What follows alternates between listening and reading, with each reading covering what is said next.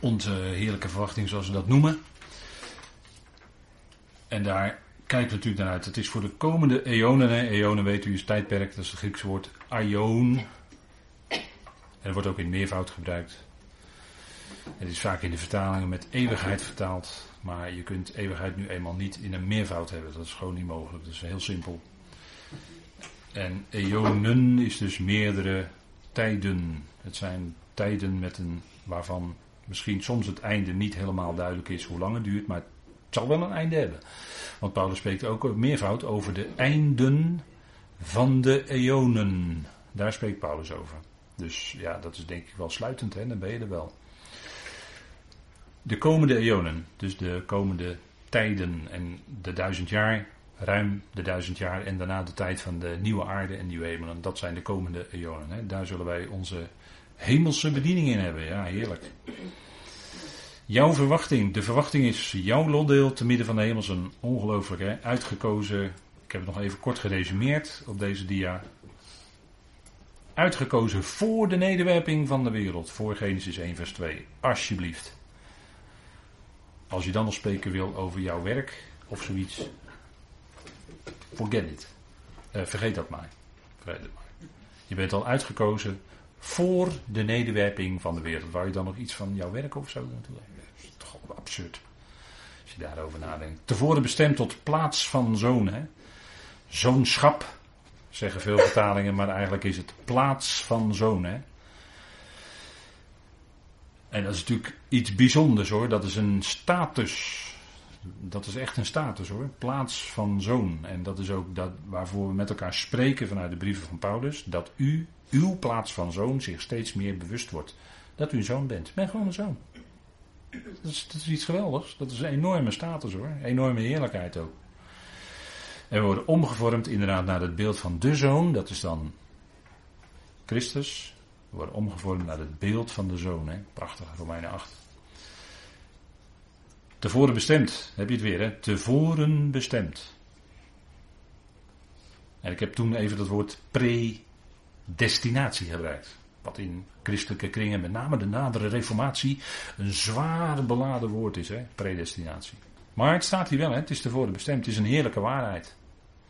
Omdat tevoren bestemd is niet of je ooit gered bent, voor tijd en eeuwigheid, daar gaat het niet over. Nee, het gaat erover dat je tevoren bestemd bent tot plaats van zoon. Om anderen die redding bekend te maken. Om anderen te brengen tot onderschikking van de Christus. Daarvoor is uitkiezen en tevoren bestemmen. Dat is ingecalculeerd in Gods plan. Dat is een functie. Of tot een functie.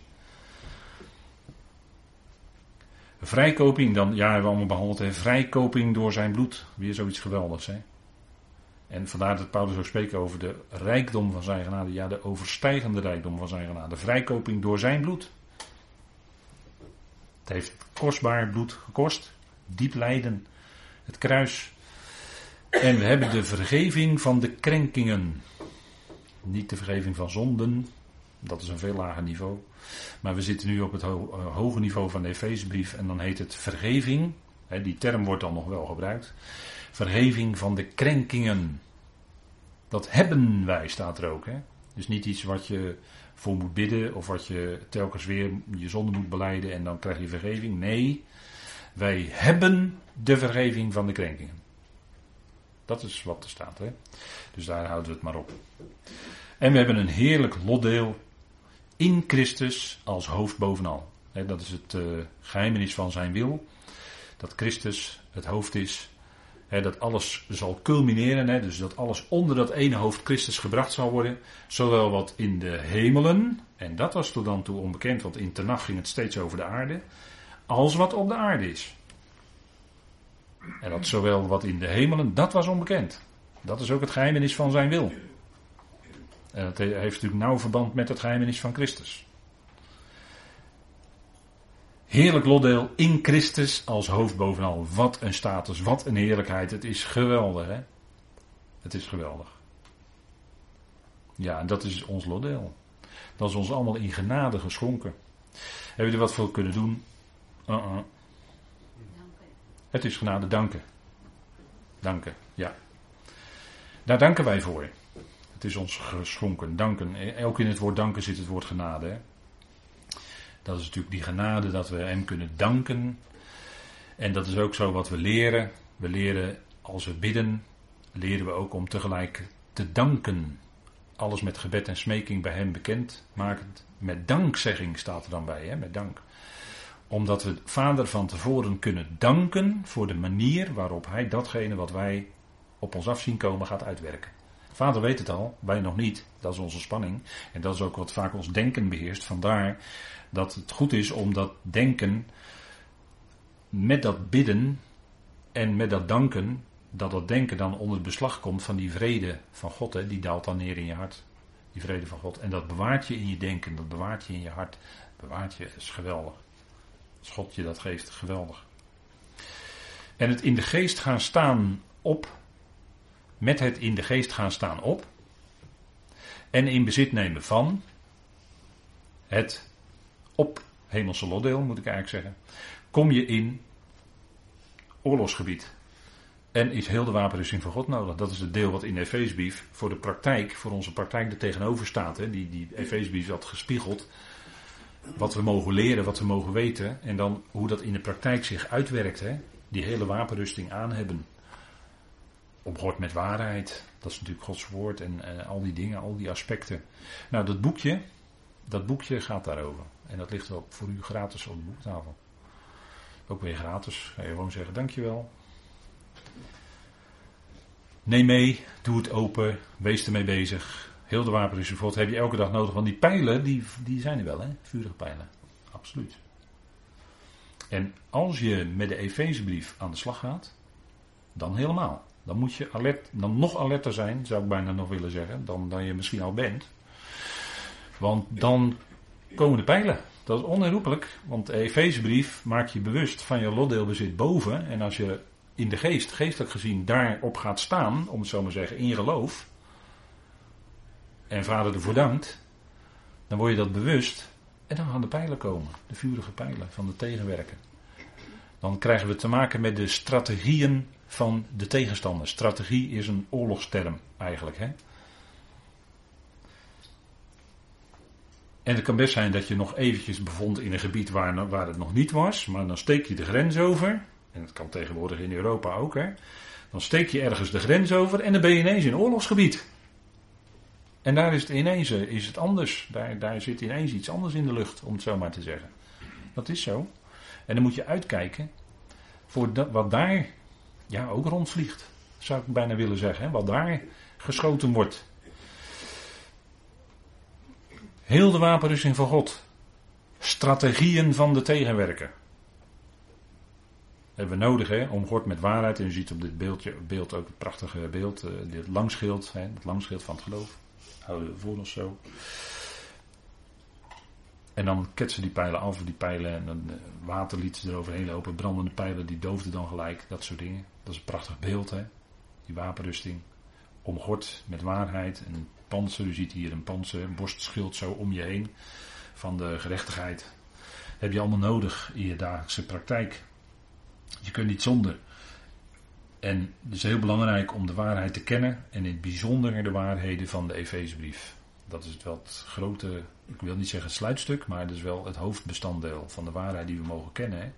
Vooral de waarheid van de Efezebrief.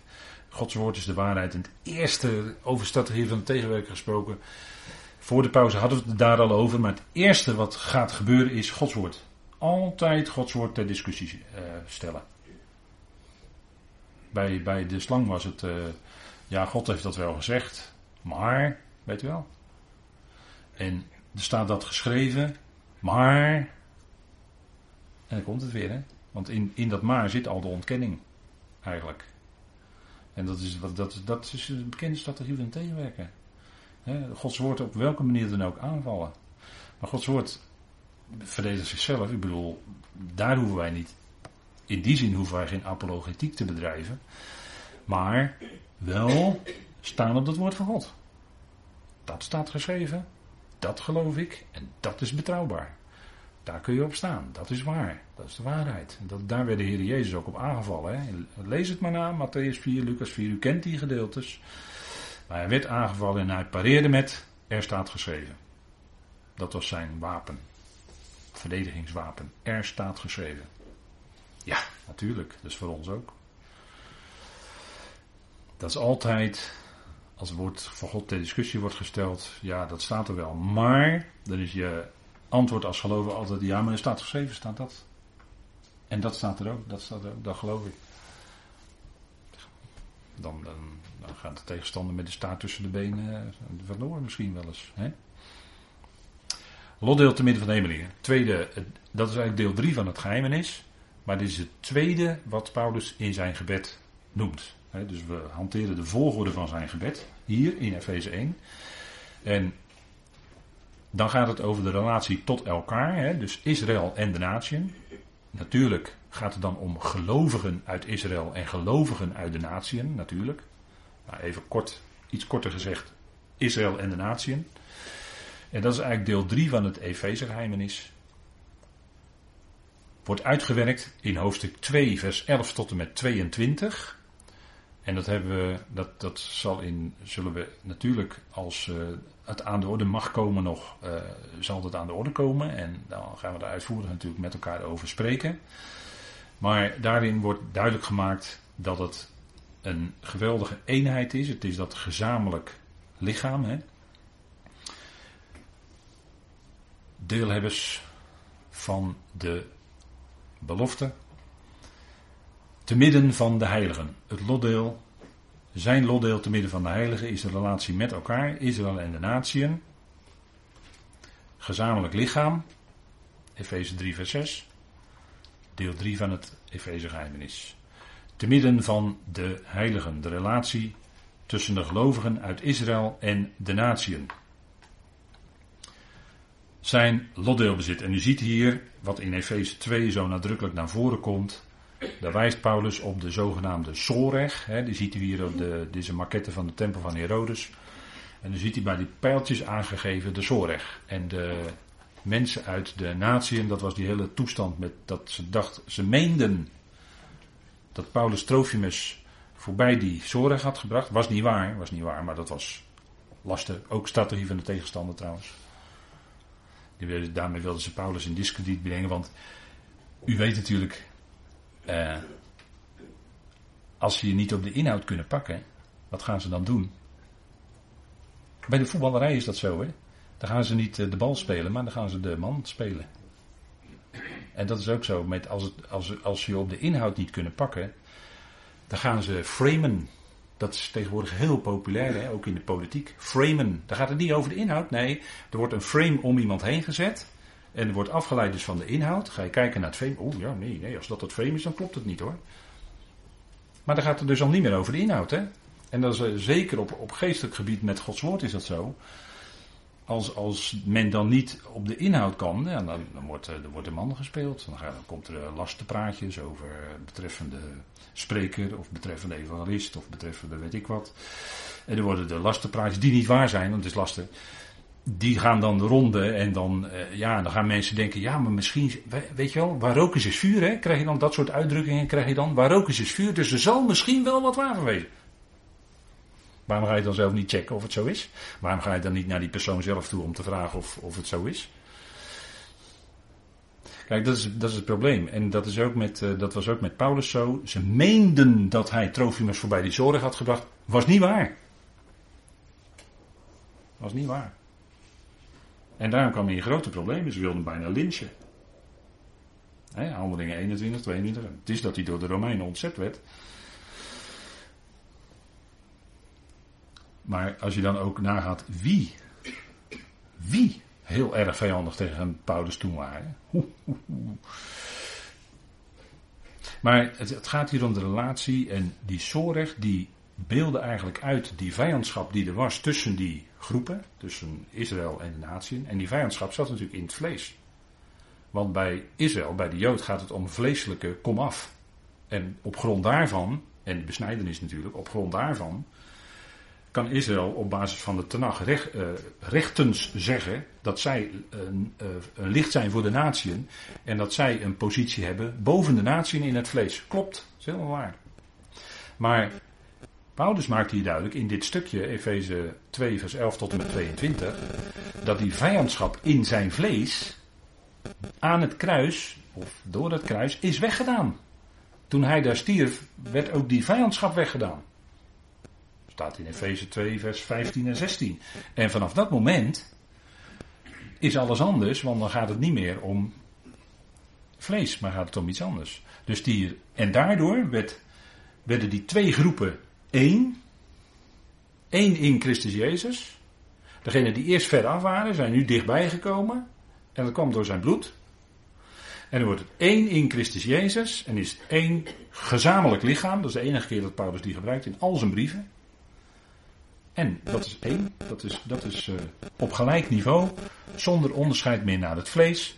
Allemaal op gelijk niveau, want dat, alle verschillen vallen weg. Kijk, je kunt je nog afvragen. Hoe zal het nou boven zijn? Als we nou boven zijn bij de Heer, en dan uh, zeg je van ja, misschien heeft die, uh, diegene die gelovig uit Israël, die heeft misschien toch nog wel even een, een, bevoorrechte plek omdat hij van Israël afkomstig is, van Israël afstand. Want ja, Paulus zegt dat toch ook in zijn brief, hè? Hij zegt in de Romeinenbrief, eerst de Jood en ook de Griek. Zegt hij wel drie keer. En hoe zal dat dan boven zijn? Denk maar aan die Canaanese vrouw die naar de Heer toe kwam. Die zei van nou Heer, geef, geef mij dan alsjeblieft. Ja, hij zegt ik ben niet gezonden dan tot de verloren schapen van het huis van Israël. Toen die Canaanese vrouw bij hem kwam. En toen zei ze Heer, maar mogen wij dan eten van de kruimels die van de tafel afvallen. Dat was natuurlijk die rijkgedekte tafel van Israël. En zij wilden daarvan eten, van de kruimels die daarvan afvielen. En toen zei die vrouw, groot is je geloof. Maar daarin wordt heel duidelijk geïllustreerd, wat Paulus later in Romeinen ook nog zegt, want ik moet echt dan zeggen nog, eerst de Jood en ook de Griek. Maar dat ging later opzij. En dat ging opzij omdat in Christus is het alles in de geest, dat is na het kruis, dat is door het kruis bewerkt. Die vijandschap is weg, het vlees is weg. Het vlees speelt geen rol meer. En daarom kan het niet meer zijn eerst de Jood en ook de Griek. Nee, allemaal gelijk, één in Christus Jezus. En ook in de voorbereidende brief van Paulus zegt hij dat al.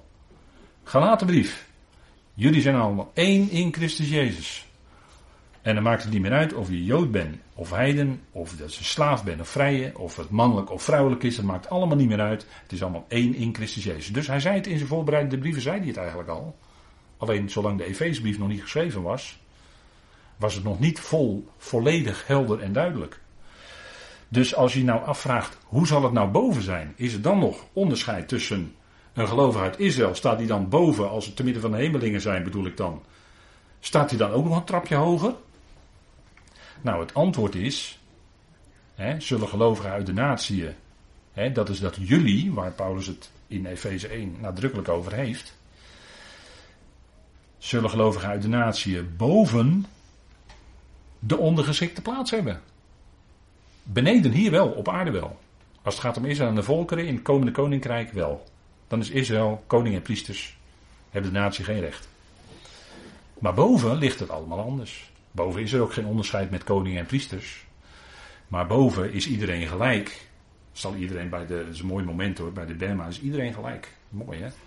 Als het erepodium daar is, is iedereen gelijk. Iedereen gelijkelijk lid van het lichaam van Christus. Iedereen heeft dezelfde, ik wil niet zeggen rechten, maar iedereen heeft wel dezelfde zegeningen daar. Dus het maakt helemaal, dan daar maakt het helemaal niet meer uit. Alleen word je daar wel je handel en wandel en dienstbetoon wordt daar wel door de Heer beoordeeld. Dat doet de Heer. En daarom zullen wij ook een ieder, staat in Romeinen 14, hè, een ieder zal voor zichzelf rekenschap afleggen. Dus jij hoeft daar niet voor een ander rekenschap af te leggen. Nee, voor jouzelf. Voor jouw dienstbetoon, voor je wandel. Niet voor een ander, want dat is voor die ander. Rekenschap geven aan Christus en aan God. Hè, want het wordt allebei gebruikt. En daar, op basis dan van die hele, laat ik maar zeggen, beoordeling. En dat heeft natuurlijk allemaal met, natuurlijk met sterk en zwak en hoe dat geweest is en allemaal te maken. En dan zul je op basis daarvan je plaats krijgen in je bediening in de komende eeuwen. Zo, zo, dat, dat gaat dan gebeuren. En die zegt, ja, het lijkt wel bijna science fiction. Ja, ja dat is uh, voor veel mensen, denk ik van, het is bijna bijna zou je zeggen te mooi om waar te zijn, maar dat is het niet. Want het staat er wel. En dat is iets waar we over ons kunnen verblijden. Hè? Dus het antwoord is nee. Iedereen is gelijk. En dat is uh, heerlijk. Ja, dat mogen we nu al met elkaar beleven. Hè? Want Hè? Nee, want wat is de onderliggende reden daarvoor? Het vlees, en daar kunnen we nog heel lang last van hebben, want dat vlees, oeh, dat kan zo taai zijn, hè, dat vlees. Oh, dat wil steeds maar weer de kop opsteken, weet u wel, in dagelijks leven. En daarmee de vijandschap, want de vijand, vijandschap zit altijd in het vlees. Lees Paulus er maar op na. Vijandschap zit altijd in het vlees. Dus in het vlees zit ook altijd verdeeldheid. Verdeeldheid zit altijd in het vlees. Het is niet in de geest. Een eenheid is in de geest. We allemaal geestelijk hetzelfde verzegeld. Maar verdeeldheid zit in het vlees. En daarmee dus hè, de, de, vijandschap. Maar die is weggedaan. En dat zouden wij erkennen. Dat zouden wij eerst geloven en vervolgens erkennen. Eerst maar eens geloven dat het er zo staat. En ten tweede bidden of je ook die erkenning hebt, mag krijgen. Dat het echt is weggedaan. Hoe? Door zijn kruisiging. Daarmee is het weggedaan. Vlees, vijandschap dus ook. Daarom is die verzoening, verzoening, er is vrede gemaakt, zegt Paulus in 1 Colossens 1 vers 20, door het bloed van zijn kruis. Kruisiging. Dus Daardoor is vrede gemaakt en op basis daarvan verzoening. Dus verzoening kun je nooit loszien van het kruis. Daarom is de werkelijke verzoening zoals Paulus die predikt, niet de bedekking, niet de hilaskomai, maar de apokatalasso en de katalasso. De, de, de verzoening, de verandering. Het woord katalasso is eigenlijk verandering. naar beneden veranderen. Die begrippen gebruikt Paulus. Als hij het heeft over verzoening. En dat heeft te maken met het kruis. En als je op gaat zoeken hilaskomai, wat het begrip is wat te maken heeft met kafar, met bedekking, met bescherming moet ik eigenlijk zeggen. Dat is een heel ander begrip. Maar met die bedekking werden de zonden niet weggedaan. Dat is wat Romeinen 3 zegt. Met die bedekking werden de zonden niet weggedaan. Bij het kruis wel. Toen was het definitief. Toen werd het afgesneden. En wij zijn nu in Christus een nieuwe schepping. Dat is geweldig, hè? In Christus een nieuwe schepping. Het oude is voorbij, zie het nieuwe is gekomen. Heerlijk. En dat heeft consequenties. Dat heeft gevolgen. Want het heeft als gevolg dat wij elkaar niet langer kennen naar het vlees. Dat is wat. Want wij zijn geneigd om de vleeselijke tekortkomingen bij de betreffende broeder en of zuster in rekening te nemen. Maar Paulus zegt dat wij daar niet mee zouden rekenen. Wij kennen niemand naar het vlees, zegt hij. Wij, kennen elkaar alleen aan, wij zien elkaar ook alleen aan in Christus. In Hem zien we elkaar aan. En dan zie je elkaar zonder uh, vlek, zonder uh, mankement of wat dan ook. Dat is mooi hè, als je zo naar elkaar kan kijken. Alsof die ander ook zonder mankement is. Want jij kijkt altijd naar die mankementen. Oh ja, dat is die en die, die heeft dat en dat. En dat is die en die, die heeft dat en dat. Paulus die zegt dat we elkaar niet zouden kennen naar het vlees. En dan gaat hij heel ver. En dan zegt hij zelfs indien wij Christus al naar het vlees gekend hebben. Dus dat was de Heer Jezus zoals hij op aarde rondwandelde. Nu niet meer. Nu niet meer. Want ook daar is door kruisering is het voorbij. Dus vandaar dat wij spreken, en dat lijkt misschien wel, kan misschien in uw oren wel op een bepaalde manier klinken, maar vandaar dat wij spreken met elkaar over Christus Jezus. En niet over Jezus. Natuurlijk, geweldige naam. En zijn naam betekent dat Yahweh redder is. Natuurlijk geweldig. Maar hij is nu Christus Jezus. Moet wel bij, als je Bijbels wil blijven spreken, Christus Jezus. Zo spreekt Paulus erover. Of de Heer, hè, de Curios. Jezus. Dan zet je nadrukkelijk een betiteling voor zijn naam. Dat is rechtens. Dat is zoals God heeft hem tot Here en tot Christus gemaakt. Zegt Petrus op de Pinksterdag. Deze Jezus die jullie gekruisigd hebben. Maar God heeft hem nu gesteld tot Heer en tot Christus. En daar zouden wij mee rekenen. Want dat is na zijn kruisiging. En Paulus zegt, indien wij al Christus naar het vlees gekend hebben, thans niet meer. Dat is de radicale scheidslijn die in de brief van Paulus loopt hoor. Ja, kom weer terug bij het kruis. Ja, ja. Want dat is essentieel in zijn boodschap. Hè? En dat zegt hij ook in eh, Galaten 6 vers 15. Dat is dan een voorbereidende brief. Want in Christus Jezus is nog besnijdenis iets. Nog, dus, dus, dus als, ik, als ik dan gelovigen hoor en die laten zich besnijden, dan ben ik sprakeloos. Ben ik sprakeloos. Dan denk ik van, hoe kun je dat doen? Hoe kun je dat doen? Hier, hier staat, want in Christus Jezus is nog besnijdenis iets. Dus als jij je laat besnijden, het is niets. Het is niets. Je, en je kan je er wel op laten voorstaan, want dat is wat dan altijd gebeurt vervolgens. Ja, ik ben besneden. Of ik ben in water gedoopt. Die wil ik er ook wel bij noemen hoor. Het is niets. In Christus Jezus. Weet u waarom niet? Omdat de ware besnijdenis aan het kruis was. Toen was alles vervuld. Daarna hoef je het niet meer te doen. Dat was alleen maar een type. Een beeld. Van, van het radicaal, het werkelijk wat op Golgotha zou gebeuren. Ja. Nog vooruit. Maar een nieuwe schepping. Kijk, dat is waar God nu mee rekent. Wij zijn in Christus een nieuwe schepping. En het heerlijke is dat we ook naar elkaar toe zo mogen rekenen. Die andere is ook een nieuwe schepping in Christus. Dus ja. Paulus is natuurlijk heel scherp in die gelaten brief. Maar ja, dat is natuurlijk niet voor niks. Twee evangeliën. En als dat aan de kant moet, dan is Paulus heel scherp. Dan komt hij met een gelaten brief. Kijk, als die twee evangeliën aan de kant moeten, dan schep je een geestelijke kloof die onoverbrugbaar is. Dan ga je ruzie maken over dingen. Die zijn, dat is onbespreekbaar in feite, want het staat er gewoon. En dan, dan, dan kan je dat proberen te repareren aan alle kanten. Maar ik ben bang, dan ben ik, dan ben ik een beetje pessimistisch misschien. Maar goed, eh, God rekent, God werkt er allemaal uit, natuurlijk. Belangrijk hoor, belangrijke punten zijn dat.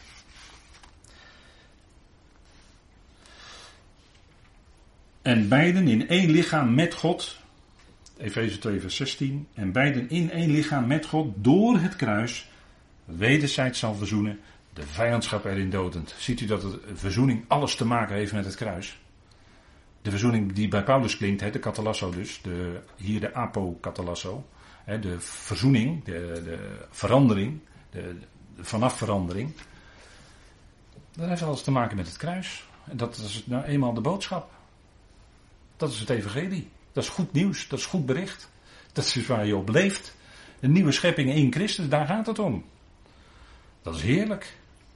Ben je van het oude af? Heerlijk toch? Die oude mens, dat vlees allemaal. Aan de kanten mee, aan het kruis, weg. Heerlijk toch? Dan leef je als blij mens verder daarna.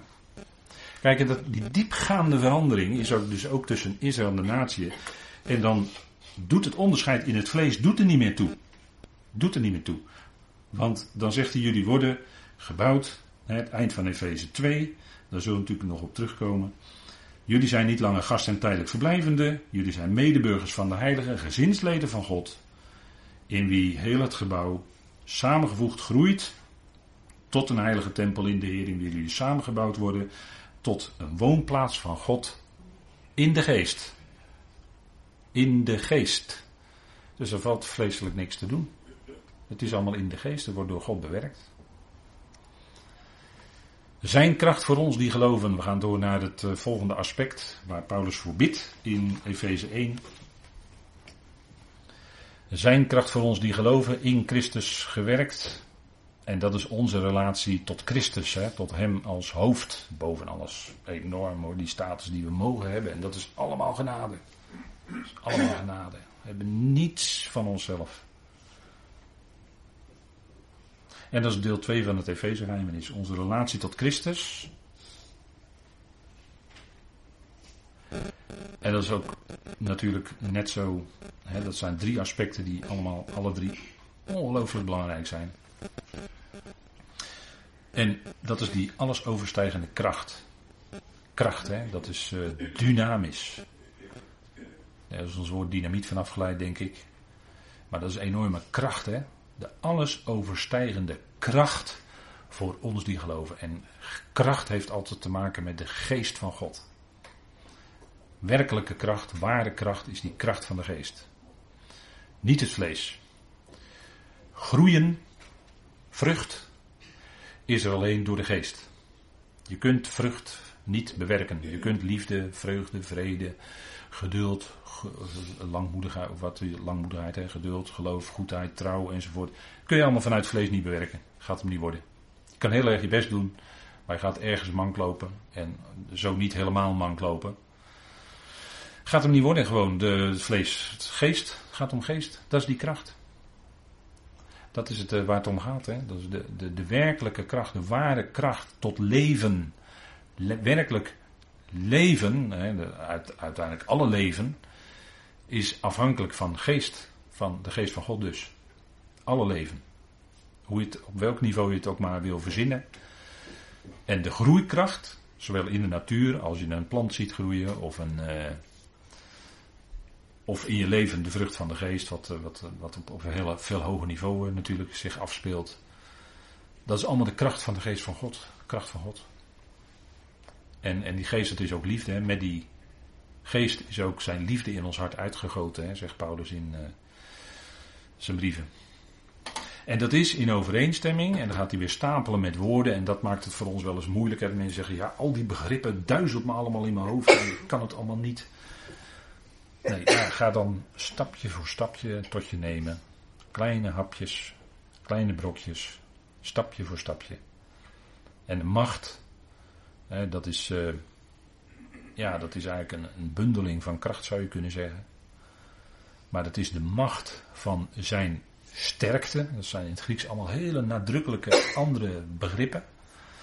Maar je ziet wat voor een enorme kracht, macht, sterkte. En dan wordt ook nog gezegd werkzaam in. Hè, daar kennen wij ons woord energie van. Hè, energia. Daar kennen wij ons woord energie van. En dan zegt u van ja, in het dagelijks leven zeggen mensen wel eens van. Uh, nou, als ik een mooie wandeling maak door de natuur, dan haal ik daar weer energie uit. Hè, ken je die uitdrukking? Maar dat is een beetje. Vind, ja, dat is mooi hoor. Prima om te wandelen, doe ik ook.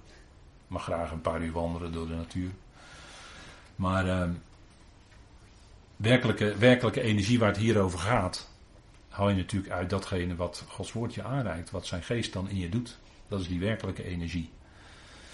En je van nou joh, ik, ben, ik, ben, aan het wandelen geweest, maar wat ik dan doe is, ik doe doppies in. Ook als ik ga fietsen, ik heb een racefiets, ga ik racefietsen, doe ik doppies in, dan ga ik een studie luisteren. Niet altijd hoor, want soms wordt het dan een beetje te veel, maar dan doe ik ze weer uit. Maar dan, dan doe je als daardoor als het ware weer nieuwe energie op. Maar dan geestelijk gezien, je hoort dingen. Hey, eigenlijk nog nooit zo gezien. Denk je al fietsend of al wandelend. Hè? En dan heb je die tijd toch goed besteed, denk ik. Dan heb je twee vliegen in één klap. Zeggen we dan als Nederlanders.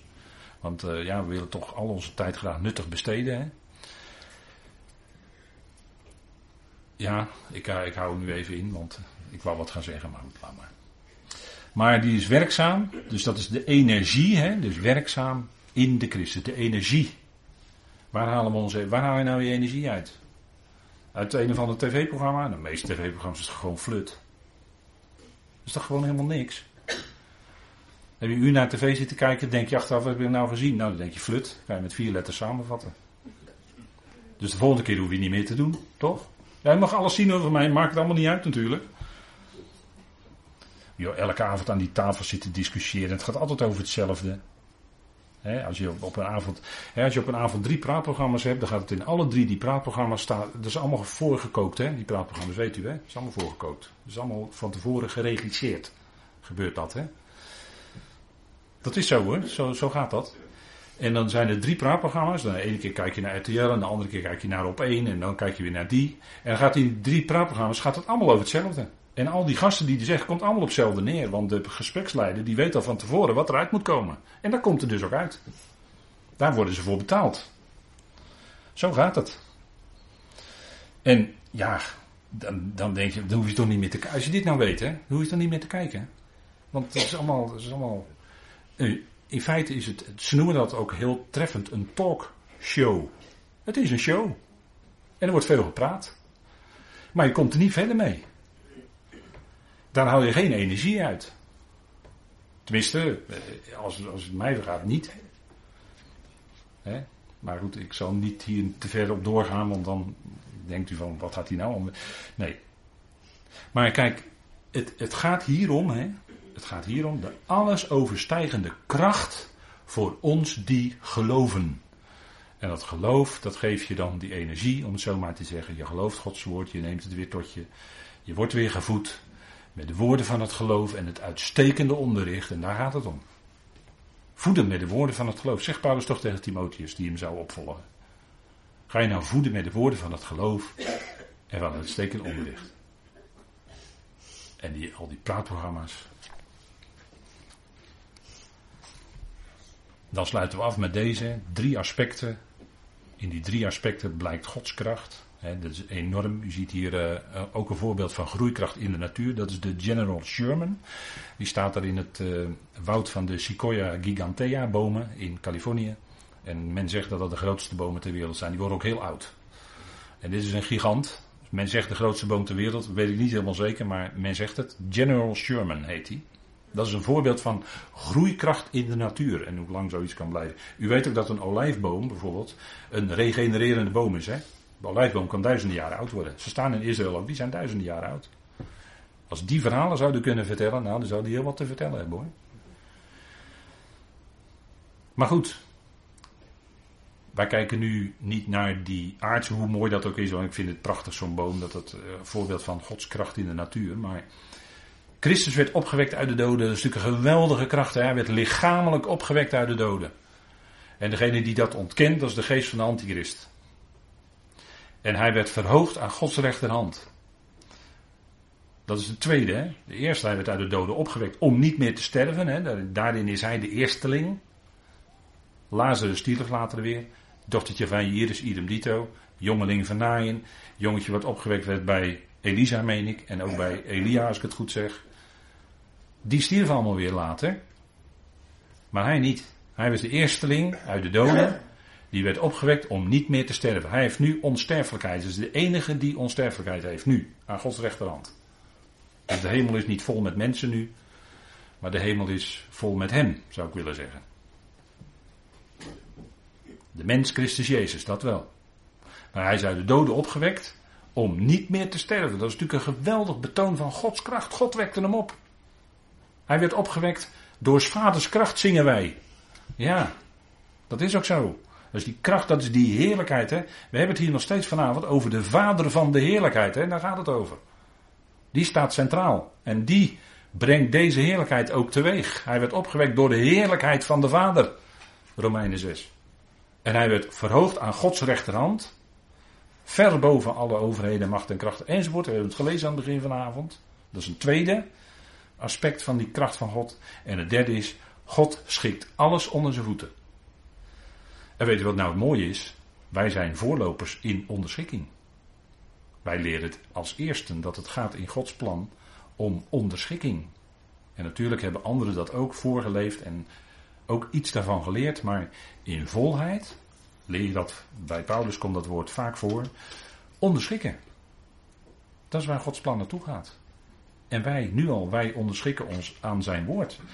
als, je, als je onderschikt aan God, dan zeg je één ding. Maar in feite zeg je dan tegelijkertijd dat je je ook onderschikt aan zijn woord. Want dat is één op één. Dat kan je niet van elkaar scheiden. God en zijn woord. Allebei, één op één, onderschikken. En wil je niet onderschikken aan zijn woord, dan onderschik je dus ook niet aan God. Je kan het ook omdraaien hoor. In het negatieve dan. Maar laten we het positief houden. Wij leren Gods woord en we willen van binnenuit ons onderschikken aan wat God zegt. Dat is natuurlijk iets wat wij mogen doen en wat we die anderen, te midden van de hemelsen, ook mogen gaan brengen, die boodschap. Joh, buig je knieën. Voor die geweldige Heer die wij mogen kennen. Het is genade. Hij heeft er daarvoor aan het kruis gehangen. Ook voor jouw hemeling is hij ook aan het kruis gegaan. Want hij heeft de krachten en machten openlijk tentoongesteld daar. En over hen overwonnen. Getriomfeerd. Hè? Geweldig. Het is ook voor die hemelingen geweest dat hij daar gekruisigd werd. En dat zal leiden tot de onderschikking uiteindelijk van allen. En iedereen gaat, allen zullen, we hebben het aan het begin gezongen, allen zullen hun knieën buigen, allen zullen van harte, staat er hè, van harte, Niet afgedwongen, geen voet op de nek. Nee, alle zullen van harte beleiden dat Jezus Heer is. En dat is natuurlijk fantastisch als dat de uitkomst is van Gods plan. Maar wat een belangrijke functie heeft het lichaam van Christus daarin. Wat een belangrijke functie hebben u, jij en ik, al die leden van het lichaam van Christus wereldwijd als zonen in dat grote plan van God. Een hele belangrijke functie. En dat zouden we steeds meer leren en ons steeds meer bewust worden. Nou, en daarvoor is, is uh, gericht luisteren en lezen van Gods woord is, is nodig. En ja, als u daar, je daarin verdiept, ja, dan wordt alles fijn. En als je mee bezig bent, ja, dan. Dat is, dat is iets bijzonders. En dan zeggen, ja, daar krijg ik nou weer energie van. Goed, zullen we met elkaar.